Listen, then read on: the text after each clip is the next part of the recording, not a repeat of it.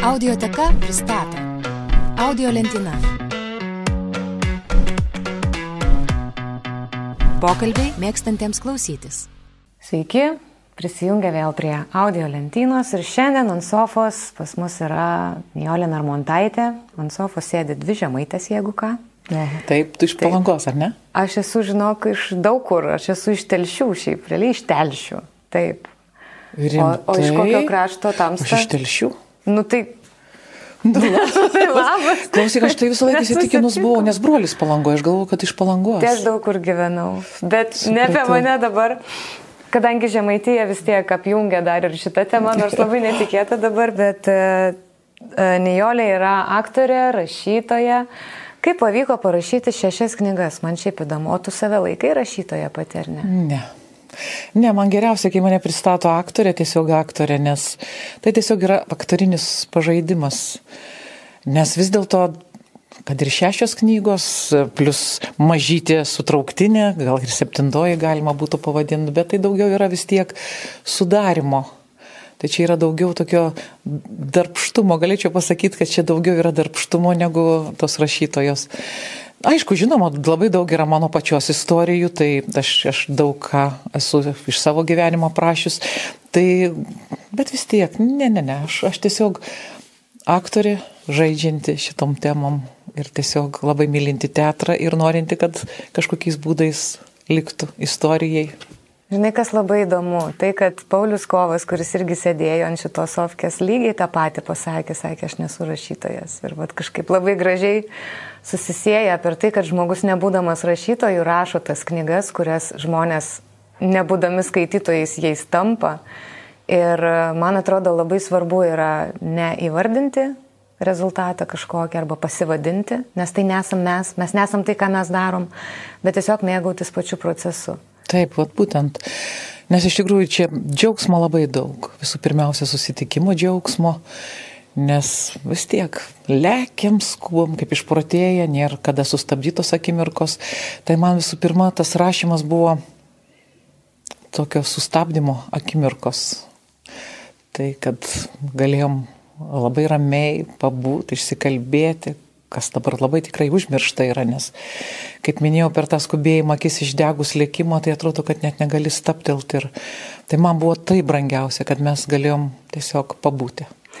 O sunku buvo sustoti aktoriams, nes aš vad klausiausi būtent balandytę, ten savo visas tas unikalias istorijas pasakoju. Ar sunku buvo ką? Ar sunku buvo E, tiesiog ateiti į pokalbį ir papasakoti tas istorijas. Ar tu jas sugaudai tada tuose tarpeliuose ir specialiai ne, nedarėt susitikimų? Mm, specialiai. Viskas vyko mano namuose. Viskas vyko mūsų su Paulium namuose ir aš kiekvieną iš šitų aktorių, tik vienintelios negalėjau prisikviesti, nes tiesiog e, kaime gyvenanti, taip pat įvažiavau pas ją ir mes kalbėjom, tai turbūt vienintelis žmogus, kur kalbėjom 36 valandas su mažytė pertrauka, vos truputėlį pamiegojom ir vėl kalbėjom. Tai, tai kadangi dar neišėjusi, kadangi dar nesu įdėjusi knygas, tai dar nesakysiu apie ką tai buvo, bet šiaip tai visi iki vieno žmonės buvo kalbinti mano namuose ir, ir tai su vakarienėm, net įsiaiškinus, ką specialiai dariau tiesiog maistus, įsiaiškinus, ką žmonės mėgsta, kas mėsėdis, kas vegetaras, kas vien tik blinelius mėgsta. Žodžiu, kiekvienam stengiausi pataikyti, kad, kad vat, tiesiog man buvo tokia, vat, toks noras. Bet kaip aš norėčiau, kad šnekintų, kad gal, galima va taip sėdėti, skanaut tai, kas žmogui patinka, mėgautis. Ir tie bendravimai tiesiog buvo nuostabus.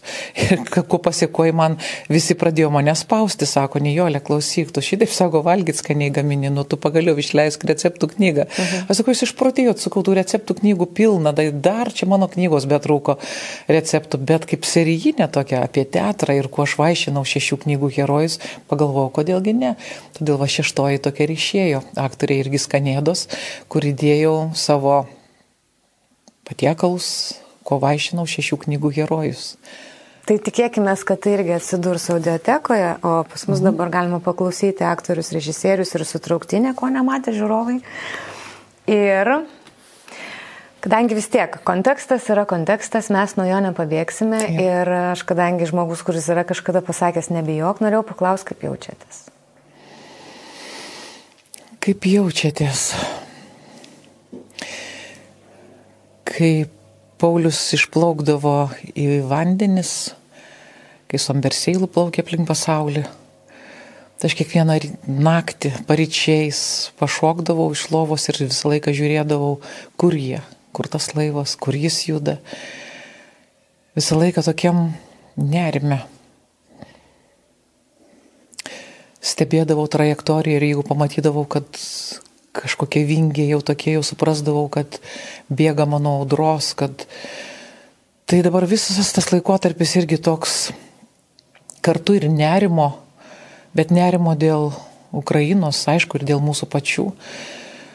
Tai nėra džiugesio tokio širdį, tikrai nėra, kad atsakyčiau, norėčiau labai pameluoti, kadangi esu labai linksmas žmogus ir sakyčiau, o Dieve, nu ir kas, viskas, pra... ne, negaliu šito pasakyti, aš tik tais esu žmogus vilties, aš labai viliuosi, kad viskas turi ateiti protą, kad viskas turi susitvarkyti pagaliau.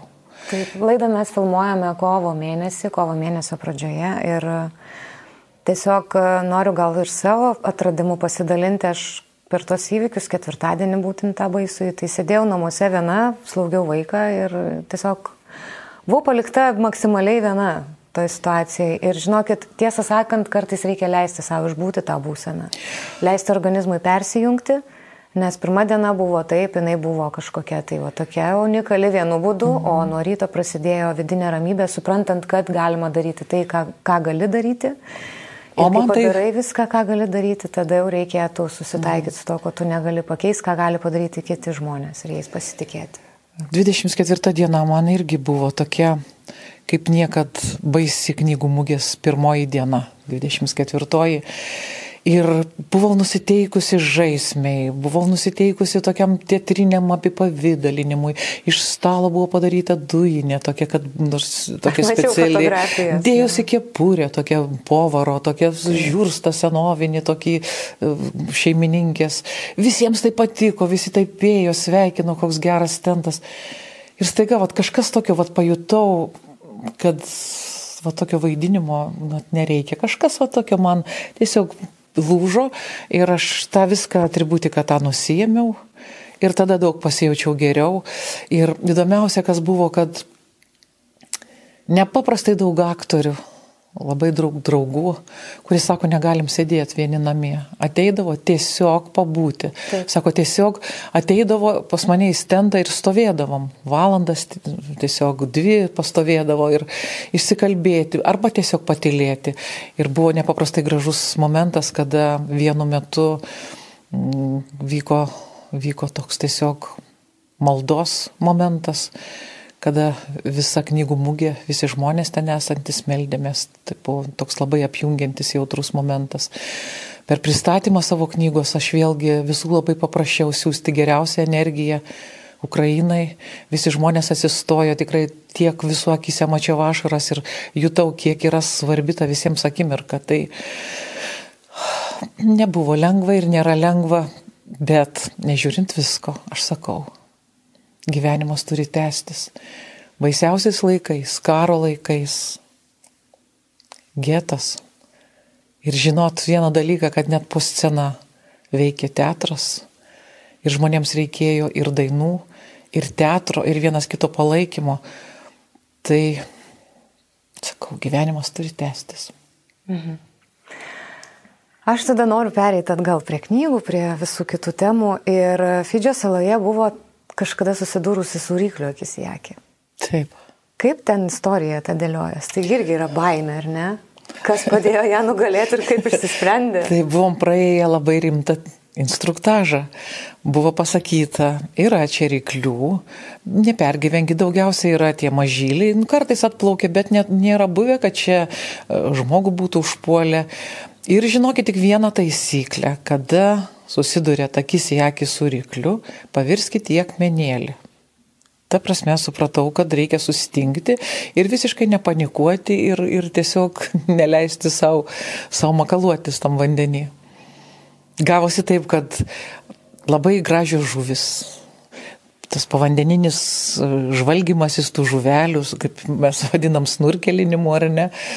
Ir kažko žiūriu, Paulius vis pakrantė ir kažko vis net plaukia ir kažką jis ten vis tikrinasi, pasirodo, kad jam ūsai ir barzda neleidžia tos, tos kaukės gerai užsidėti su to stiklu ir, ir, jis, ir jis vis bando nusiskusti ten ir jis kažką ten krantė vis kuičiasi, kuičiasi, aš visgi plaukiu, plaukiu tolyn, mm, makaluojos ir staiga, ir staiga, visiškai priešais atplaukia ryklys kur jau ten sustinks akmenėliu, kur jau ten.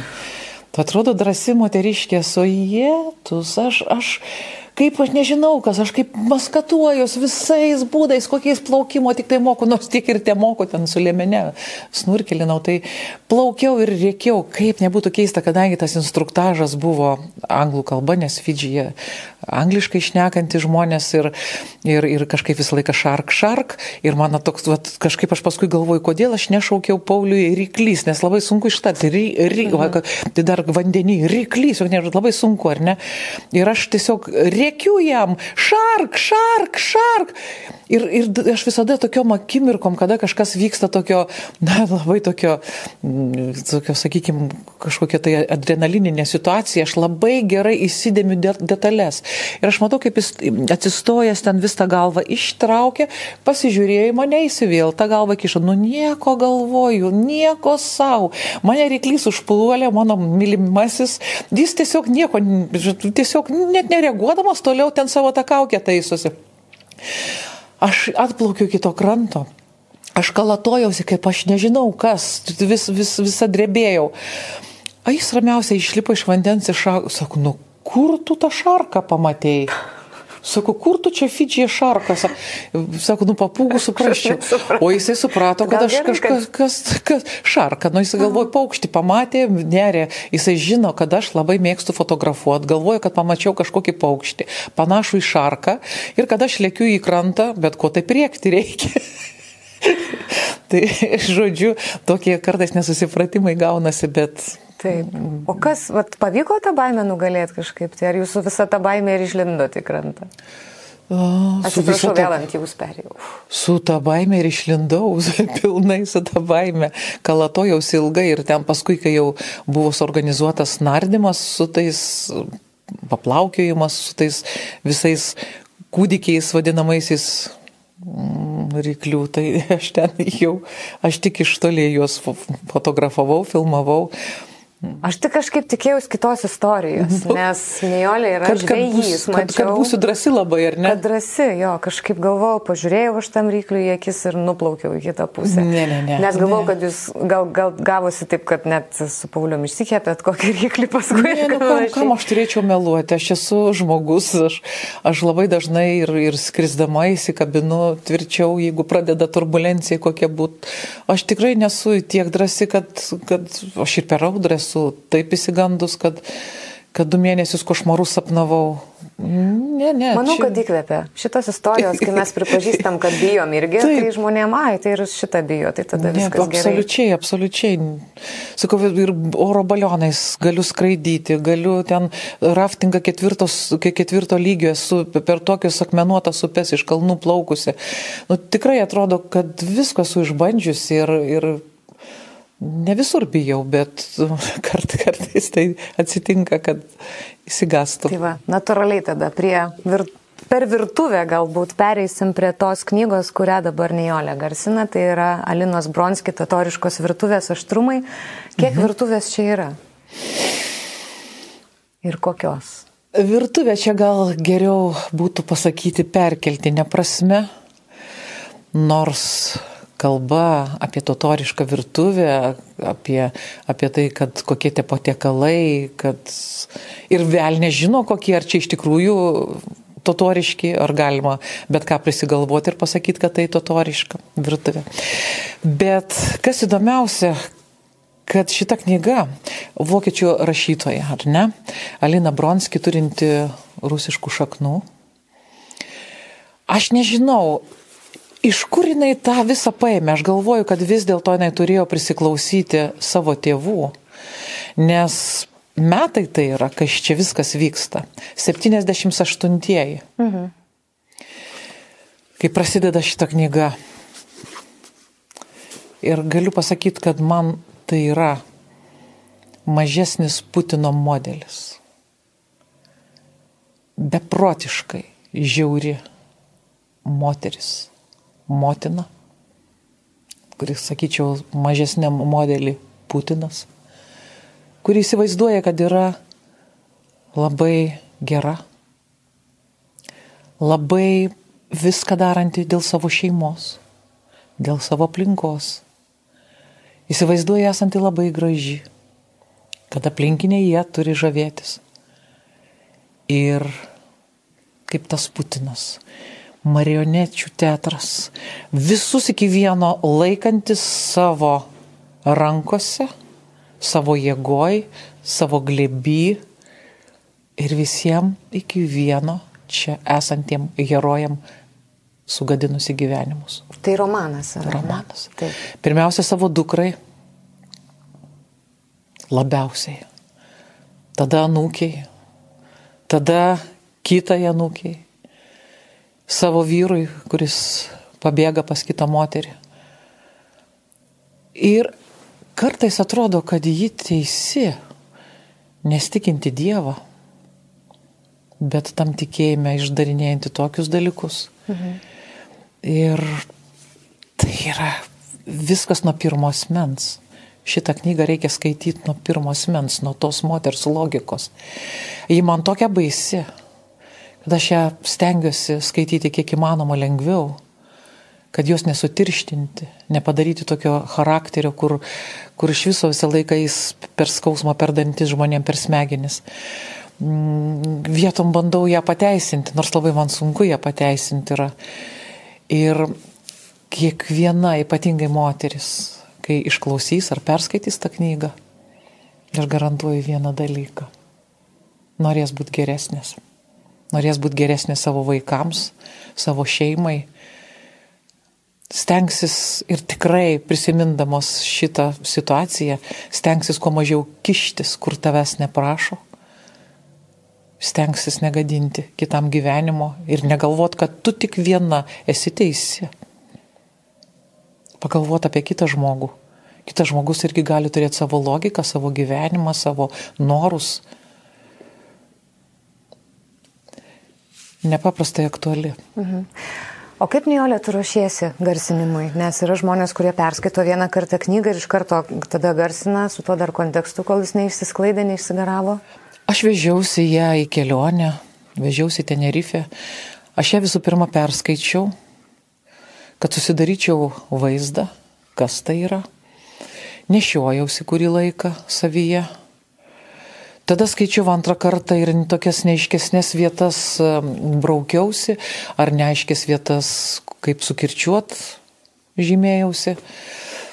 Tada kur junginiai kokie, kur akcentas, kur pauzės norėtųsi.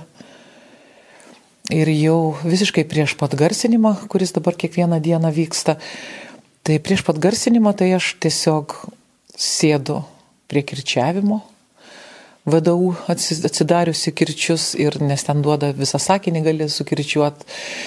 Ir kurios man vietos neaiškios, aš esu absoliučiai va visą knygą susikirčiavus, įsiskaitau tuos skirius, kad, kad jie tą dieną numatyti yra, tarkim, dviem, trim valandom skaitimo. Mhm. Ir jau pasiruošus ir tai visokių kliurkų pasitaiko ir norisi sustoti ir žodis kažkoks netaip įsitarė, net ten akcentas pasideda. Bet manau, kad be to pasiruošimo nieko negalima daryti. Labai ačiū. Labai noriu asmeniškai padėkoti dėl to, kad audiotekoje šiaip pasiruošimas vyksta labai ilgai ir e, vienai knygai šiaip dažniausiai skiriama keli mėnesiai. Tiek garsinimui, tiek visiems paruošimam ir castingo reikalai. Greit praėjęs castingą ar iš karto pasiūlė ir žinojo, kad čia bus ne. Aš atvirai pasakysiu, aš labai priešinausi. Visų pirma, aš sakiau, jūs turit mano balsą. Aktoriai, režisieriai ir sutrauktinė, kur iš trijų knygų linksmiausių istorijų aš esu įgarsinus.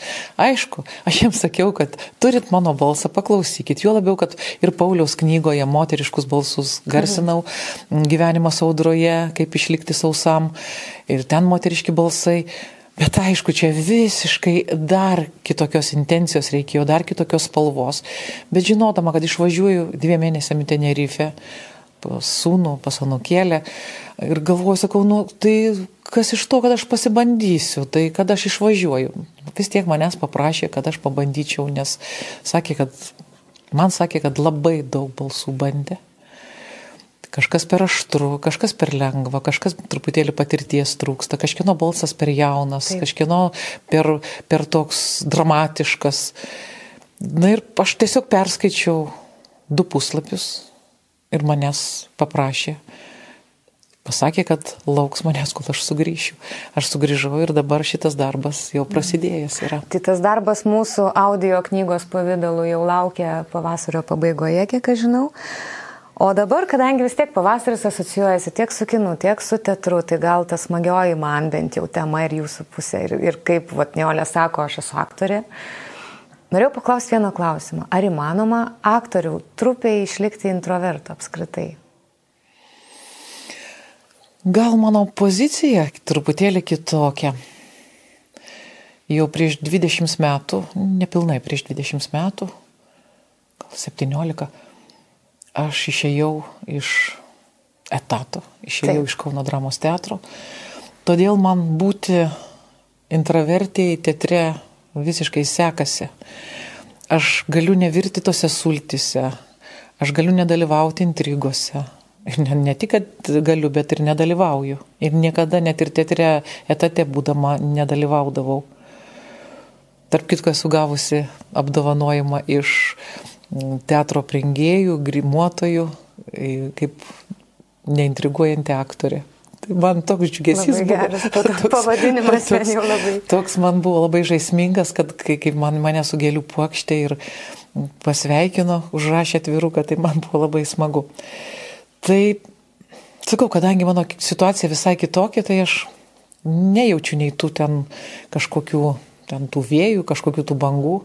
Aš ateinu į teatrą, suvaidinu, nes galiu vaidinti bet kuriam teatre pagal sutartį. Mhm. Ir man tai labai atriša rankas, aišku, aišku, kitas dalykas, labai pajaučiau per pandemiją, per karantiną, ką reiškia būti netate, kai esi paliktas visiškai ant ledo ir kai visi individualiai dirbantis visiškai buvo ant ledo, Taip. be jokios pagalbos.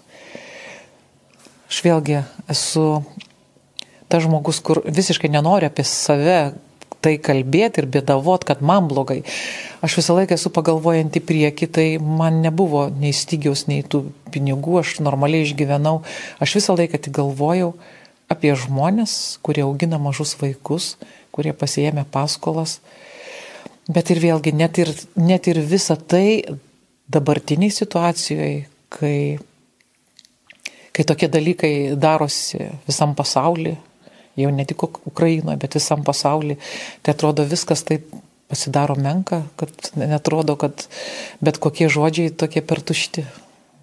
Taip. Nijolė septyniarių ir Nijolė dabar. Kuo panašios ir kuo skiriasi? Charakteris turbūt niekur nedingo. Tas pepės pasitimas turbūt turbūt yra išlikęs ir dabar norisi karstytis po medžius. Ta nuotaika niekur nedingo, nes visada buvo labai linksmas ir vaikas. Ir dabar stengiuosi kiek įmanoma, net ir važiuodama į susitikimus žmonių, aš su žmonėmis, aš visą laiką jiems sakau, vis tiek gyvenimas turi tęstis. Mes neturim užmiršti juoktis, neturim užmiršti dainų savo kalbos, o svarbiausiai neturim nieko bijot. Maža buvau labai drasi, tai ir tiesiog galvoju, kad, kad tas išliktų dar ir dabar manyje. E, kiek žinau, grafaitė Sofija Tizenhausaitė buvo pirmoji kaip ir oficiali moteris rašytoja Europai. Netgi. Kuo moteris rašytoja gali papildyti rašytojų gretas ir literatūrą? Kaip, kaip manai, kuo, kuo moteris yra kitokia. Kaip jinai. Man atrodo, kad moteris yra atviresnė, jautresnė.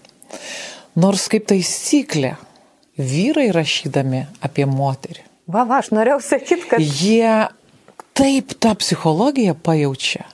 Ir bet kokį autorių paėmus, tai tikrai ne, ne bet kokį, bet, bet daugumą iš jų. Atrodo, kad jie taip tiksliai perteikia moters psichologiją, bet vis dėlto moteris jautresnė ir atviresnė. Man taip atrodo.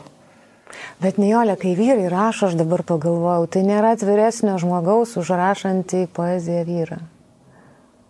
Pavyzdžiui, Kestučio Navako, aš atsimenu, mes labai juokinga tokia ir graži istorija buvo, kaip, kaip susipažinom, aš tiesiog norėjau paklausti jo, kaip reikia prašy, pradėti rašyti knygas, nes buvo toks tikslas ir planas. Ir jis man sakė, tiesiog rašyk ir mes apsikeitėm e, kūrybą vienas su kitu. Ir atverčiau pirmą puslapį ir tai buvo eilėraštis apie visą gyvenimą, kuris paskui nugulė į dainą iš karto, nes aš pajutau, kad aš matyt tik tai dėl to eilėraščio buvau atvažiavus. Tai bet, vienas iš jautriausių dalykų, kuriuos aš esu. Taip, bet nebūtinai tai nėra dėsnis, matomai tiek vienoje, tiek kitoje barikado pusėje yra ir jautresnių, ir atviresnių, ir atvirkščiai, uždaresnių, ir, ir tarp eilučių gal gali skaityti tos jautrumus ir atvirumus. Tad aš manyčiau, kad taip. O galima sakyti, kad um, stiprybės šaltinis pas Nijolę būtų įvardintas kaip santykiai. O taip. Taip? Galiu šiek tiek apie santykius, man labai įdomu. Nes mes galim po vieną visokius dalykus nešti ant pečių, bet matyti ne šiaip savo žmonės, juos pasiryšta gal pasimėtydami vienas kitam eiti toliau per gyvenimą. Kaip susipažinot su Pauliu? Buvau ant tavęs supykus. Kada? Dabar ką tik? Ne, seniai, prieš 20 metų, ne prieš 20, Mm, o geras, kada, kada įvyko pasipiršimas prezidentūrai ir kai žurnale perskaičiau tavo nuomonę, kad tai, tai buvo negerai padaryta. Aš sakiau, kad pasipiršimas Pauliaus tau buvo negerai, negalėjau taip sakyti, tur nebuvau tada. Taip, žinok, aš nežinojau, ką daryti, aš galvoju tau laišką parašyti. O kad, kodėl aš taip, kodėl mano nuomonė? Ten, ties, ten tiesiog buvo keletos žmonių paklausta kai kurie labai ten gražiai atsakė, čia jų reikalas, čia taip. Ir, ir, ir aš tiesiog turiu dar tą žurnalą. Nijolė, žmonių. tai aš dabar visai prieš visą Lietuvą atsiprašau. Tai aš tik tikrai... vieną tada dalyką pagalvojau, ruošiausi laišką parašyti. Bet man tai buvo švenčiausia diena. Ir tai buvo tas pasipiršimas. Sako, kad pasipiršimas turi būti arba šeimos, artimų žmonių tarpe. Mano žmogus, kuris devynis mėnesius baladojasi per tas jūras, plukdės, vežės prezidento vėliavą. Atrodo, kad ten buvo tie du prezidentai, su kuriais tiesiog jie suaugę buvo į šeimą ir visi tie buriuotojai, kurie buvo šeima. Ir man tai buvo šventas aktas. Tai buvo taip netikėta tas pasipiršimas ir, ir aš labai tą dieną verkiau, kai perskaičiau ir galvojom, tu matai, ten buvo apklausti jūs keletą žmonių, apklausta, kaip, kaip jums atrodo ir tu pasakai, kad tai buvo netinkama. Ir aš, nusakau, ruošiausi rašyti tau laišką, bet paskui pagalvoju, nieko. Galvoju, Jėtus, bet aš galvoju, ten, kas aš ten buvau, gal, kiek man metų buvo. Nesvarbu, tu, man labai tavo dainos patiko, man ir, žinai, ir, ir, ir nu, šiaip kaip žmogus, ir tavo giluma, ir viskas. Ir tiesiog man buvo labai labai jautru nes iš viso buvo jautru ta situacija. Bet aš tiesiog pagalvojau, laikas parodys. Nu ir štai 20 metų laikas parodo, kad aš esu laimingiausias žmogus. Ir jeigu kalbėt apie santykius, mūsų santykiai yra, kad ir šį rytą atsikėlėm. Mes kiekvieną rytą prie žvakės, nesvarbu ar, ar pietus ar vakarienė, mes visada užsidegam žvakelę, nes kažkaip atrodo, kad tai ugnis apjungia ir, ir mūsų artimuosius. Mes labai daug dalykų kuriam bendrai ir labai daug vienas kitam ir patariam, ir padedam. Ir aš tikrai turiu išmintingą partnerį, žmogų, kuris mane kartais apsaugo nuo nesąmonių, nes aš tokia spontaniška, aš tokia galiu prifantazuoti ir staiga jis man sako, palauk, o tu supranti, o tu supranti, kodėl tavęs čia kviečia, ar tu supranti, kad čia tik pasinaudojamas tavo vardu. Ir aš pradedu atkasti kažkokius dalykus ir jis mane sustabdo kartais nuo, nu, tokių gal visiškai bereikalingų dalykų, ką aš padaryčiau, gal kažkokią nesąmonę. Savo rašto aš irgi kažkaip labai stengiuosi ir jam patarti, ir, ir kažkaip su savo moteriška intuicija irgi jį sustabdyti ar perspėti. Tai ta mūsų tokia draugystė, tie santykiai, aš nežinau, man tai yra 20 metų didžiausio, didžiausio pagarbos, tokio, at, apie ką galėtum svajot, tą aš turiu. Labai džiaugiuosi ir kaip manai, vad kitam žmogui, kaip aiškinti, ar žmonės turi atitikti, ar jie gali skirtis? Koks požiūris šito klausimu? Ar jie gali atitikti? Ar, ar jie labiau turėtų būti panašus, ar jie gali būti labai skirtingi? Mes tikrai esam labai skirtingi. Paulius tikrai labai sulaikytas, labai geros diplomatijos turintis žmogus. Kaip minėjau, aš tokia spontaniška, tokia energija, aš labai daug fantazuoju, aš labai daug galiu paleisti idėjų, bet ne viską iki galo galiu išpildyti. Man nebeužtenka, nebeužtenka tos masės, kad viską tą įvykdyt. Ir aš kartais pajaučiu, kad aš tiesiog pafantazuoju, kad, va, kaip aš sakau, mes labai dažnai mėgstam ryte, ypatingai mums gerai kūrėsi ryte, pafantazuoju kažką prie kavos podelio ir aš girdžiu jau kitą dieną, kad jis visą tai jau, kad visą tai procese, kad jis jau tai Jis vykdo. Kad visi mane girdi. Ir kadangi aš pamatau jį jau užsidegusi toj idėjui, ką aš paleidau, kitą kartą gal visai taip, ne tiesiog, nes man tikrai nuo idėjų man galva plyšta. Ir kadangi pamatau jau jį kitam etape, man nieko nebelieka kito, kaip dar toliau žengti žingsnį. Tas pats ir su knygomis gavosi, su to rašymu. Jeigu jis manęs nebūtų paskatinęs, jei nebūtų tiesiog pritaręs tam, aš nežinau, ar aš būčiau išdrysus. Tai galima sakyti, kad žmonės keičiasi, bet kai jų nesistengia kas nors pakeisti, o jie keičiasi savaime kažkaip, būnant kartu. Jokių būdų nekeisti žmogaus, jokių būdų. Labai klausytis Aš labai mėgstu klausytis, įsiklausyti. Ir jeigu kažkas labai nepriimtino, tai kalbėti. Bet nepiktai, tai ne, tai ne į konfliktą einantis dalykas, tai ne į kažkokią agresiją, tai kalbėtis taikiai ir tas įsikalbėjimas labai padeda. Man labai patiko, aš kelias čia citatas suradau tavo meilę, tai yra, kai net per mėgus jauti savo žmogaus kvepavimą. Labai gražu. Meilė, kai traukte traukia namo, nes tavęs ten laukia. Labai suprantu tą jausmą. Aš tikrai žinau, koks tas jausmas ir linkiu visiems šito jausmo. Meilė, kai norisi kartu keliauti, ruošti maistą, dalintis viskuo, ką turi geriausia. Tai keliaukim. Taip, taip gražiai čia prisakiau viską. Aha. Aha. Bet kiekvieną dieną tą jaučiu. Kiekvieną dieną tą jaučiu, kad noriu namo, nežinau, kad ten jis. Nijolio, tu tiki ženklais arba nu, sutapimais kažkokiais? Nepaprastai tikiu. Žiūrėk. Žodžiu, aš prisidirbau prieš Nijolį prieš 20 metų. Ne prieš 20, prieš mažiau, prieš lygos prieš mažiau, buvo. Žiūrėk, ar tau nieko nesako šitas pavadinimas, parašyta primityvioji tapyba, bet Aš žinau, kad tu turi svajonę ir norėjau paklausti tavęs, ar tu įgyvendinai ją, ar tapai. Tapyti. Jo. Aš kol kas tai yra primityvioji tapyba. Aš labai daug piešiu, bet su Anukė Kamilė.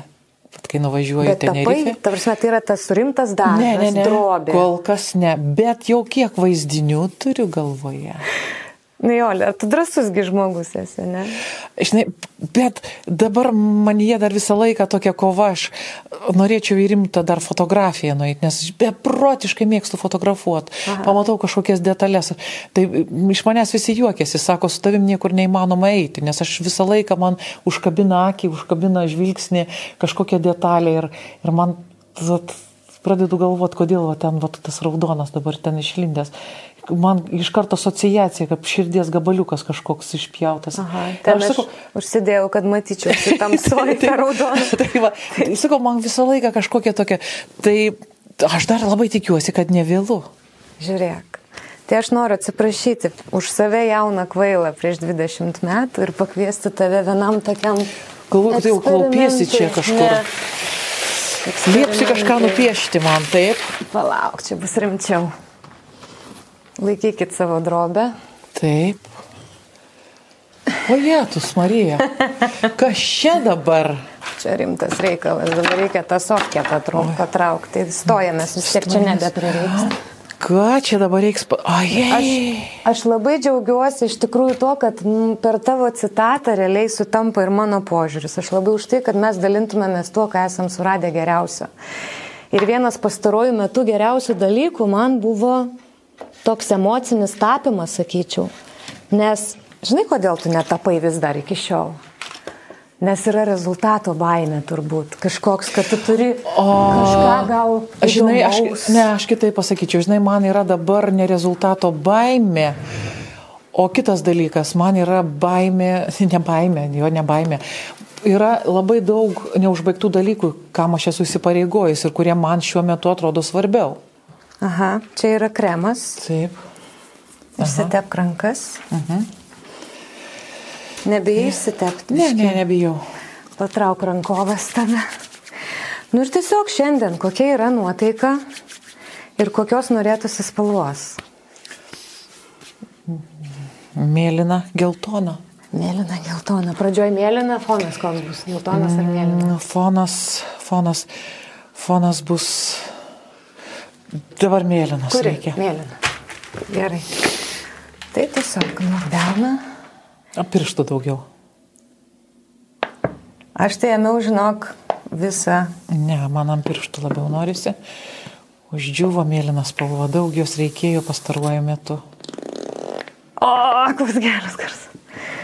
Ir galiu tepti, ar ne? Gali visą, visą ranką išsiterlioti. Ir svarbiausia tai yra tai, kad... Ir čia tepti, taip? Androbės. Mhm, Ten, kur yra piešinio. Koks jausmas? Ai, geras. Tai va, tai aš irgi kitiems žmonėms noriu pasakyti, nusipirkite tą drobę, jinai kelis eurus kainuoja. Šitie dalykai irgi yra labai pigus, tai yra guašas tas vadinamasis, tik tai tiek, kad jo yra daug, jį galima tepti ant rankų, ant pirštų. Ir manau, pareis geltoną dabar jau. Ar dar mėlynos norėtųsi? Bet čia man ir gerai, kad aš nu taip ir noriu, kad jisai ne viskas labai tik mėlyna. Neatsisuka. Mm. Žiūrėk, labai didelė drobė, reikia daugiau uždėti. Ne, ne, man šito gana. Viskas? A, ger, nu, gerai, dar duok, aha. Dar dėškiu. Gerai. Nes mes labai dažnai rankas naudojam tam, kad paimtumėm, tam, kad paspaustumėm ranką, ar ne? Ir jos yra kaip, jos praranda tą funkciją, kurią turi, tai yra lėtimasis prie dalyko. Ir Niolė papasako, koks yra jausmas, kai tu brauki ir tau va tas tirštas dažas tarp pirštų. Tirštas. Toks ne, ne, nepatirtas jausmas. Nes aš atsimenu, tai praleidau gal valandą laiko. O geras. Taip, labai daug, labai daug. Gali su visų delnu išmakalioti, jeigu norisi. Čia. Aš matau laivą.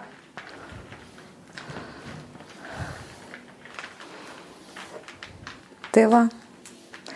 Gyvenimas yra tam, kad įgyvendintumėm svajones po vieną kartu ir netidėliotumėm jų. Ar priimi mano atsiprašymą? atsiprašymą? taip, taip. Aš jau seniai, jau man tas seniai praėję yra. Irgi čia, aš labai išsivalau, žinai, bet vat irgi atrodo gerai išsisakiau. Ir nu, jo, būtinai, būtinai reikia pasikalbėti. Mes neseniai dabar prieš e, kelias dienas šnekėjomės irgi su vieno kurso vadovu ir vienas iš klausimų buvo, jeigu būtų dabar vat, galimybė atsiprašyti kažkokio žmogaus arba pasakyti kažką jam, ar, ar turi tokį žmogų, tai jeigu yra dar net neišsakyti dalykai, tai reikia tiesiog pasikalbėti. Taip, aš visada turiu kažką viduj tokio, bet, nu, ta prasme, O. Viskas. Gal penkis su ta pačia. Aš dedu irgi parašą, kad Gerai. sprendė situaciją. Tai va, gyvenkim visada su spalvom, visada palaikykim visus, kuriems labiausiai to reikia ir palaikykim vieni kitus. Nebūkim po vieną, nes mes niekada nesam po vieną šitą žemę. Iki kitų laidų.